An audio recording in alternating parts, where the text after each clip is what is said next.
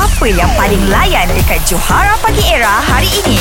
Syahidan. Ya saya. Ha, lawan dengan Johan eh bro eh. Okey, uh, kita main soal menyoal. Hanya soalan saja yang perlu dikeluarkan. 10 soalan awak bertahan, awak kira menang. Okey. Anak Nep, silakan Nep. Situasinya nak terawih kat mana ni hari? Ha, awak berdua dengan member serumah awak tau. Okey eh. Lepas bunyi loceng, bolehlah Syahidan mulakan dahulu. Silakan. Kita nak terawih kat mana ni?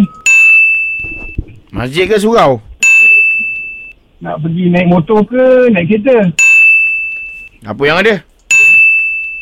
Nak parking kat mana? Naik motor kena parking ke?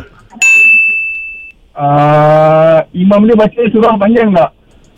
Kau nak yang pendek ke panjang?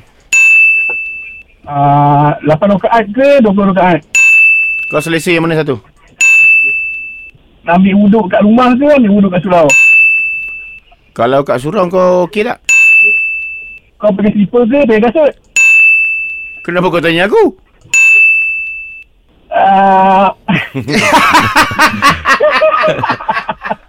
Uh, Itulah niat tak ada nak pergi terawih tu.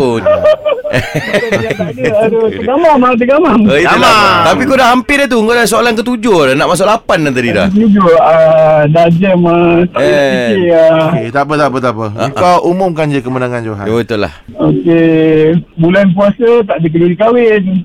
Johan, you win. Eh, eh. Oi, Lepas tu lah eh. Catch up dengan lawak-lawak on points yang Johara Pagi Era delivery setiap hari Isnin hingga Jumaat bermula 6 pagi hingga 10 pagi.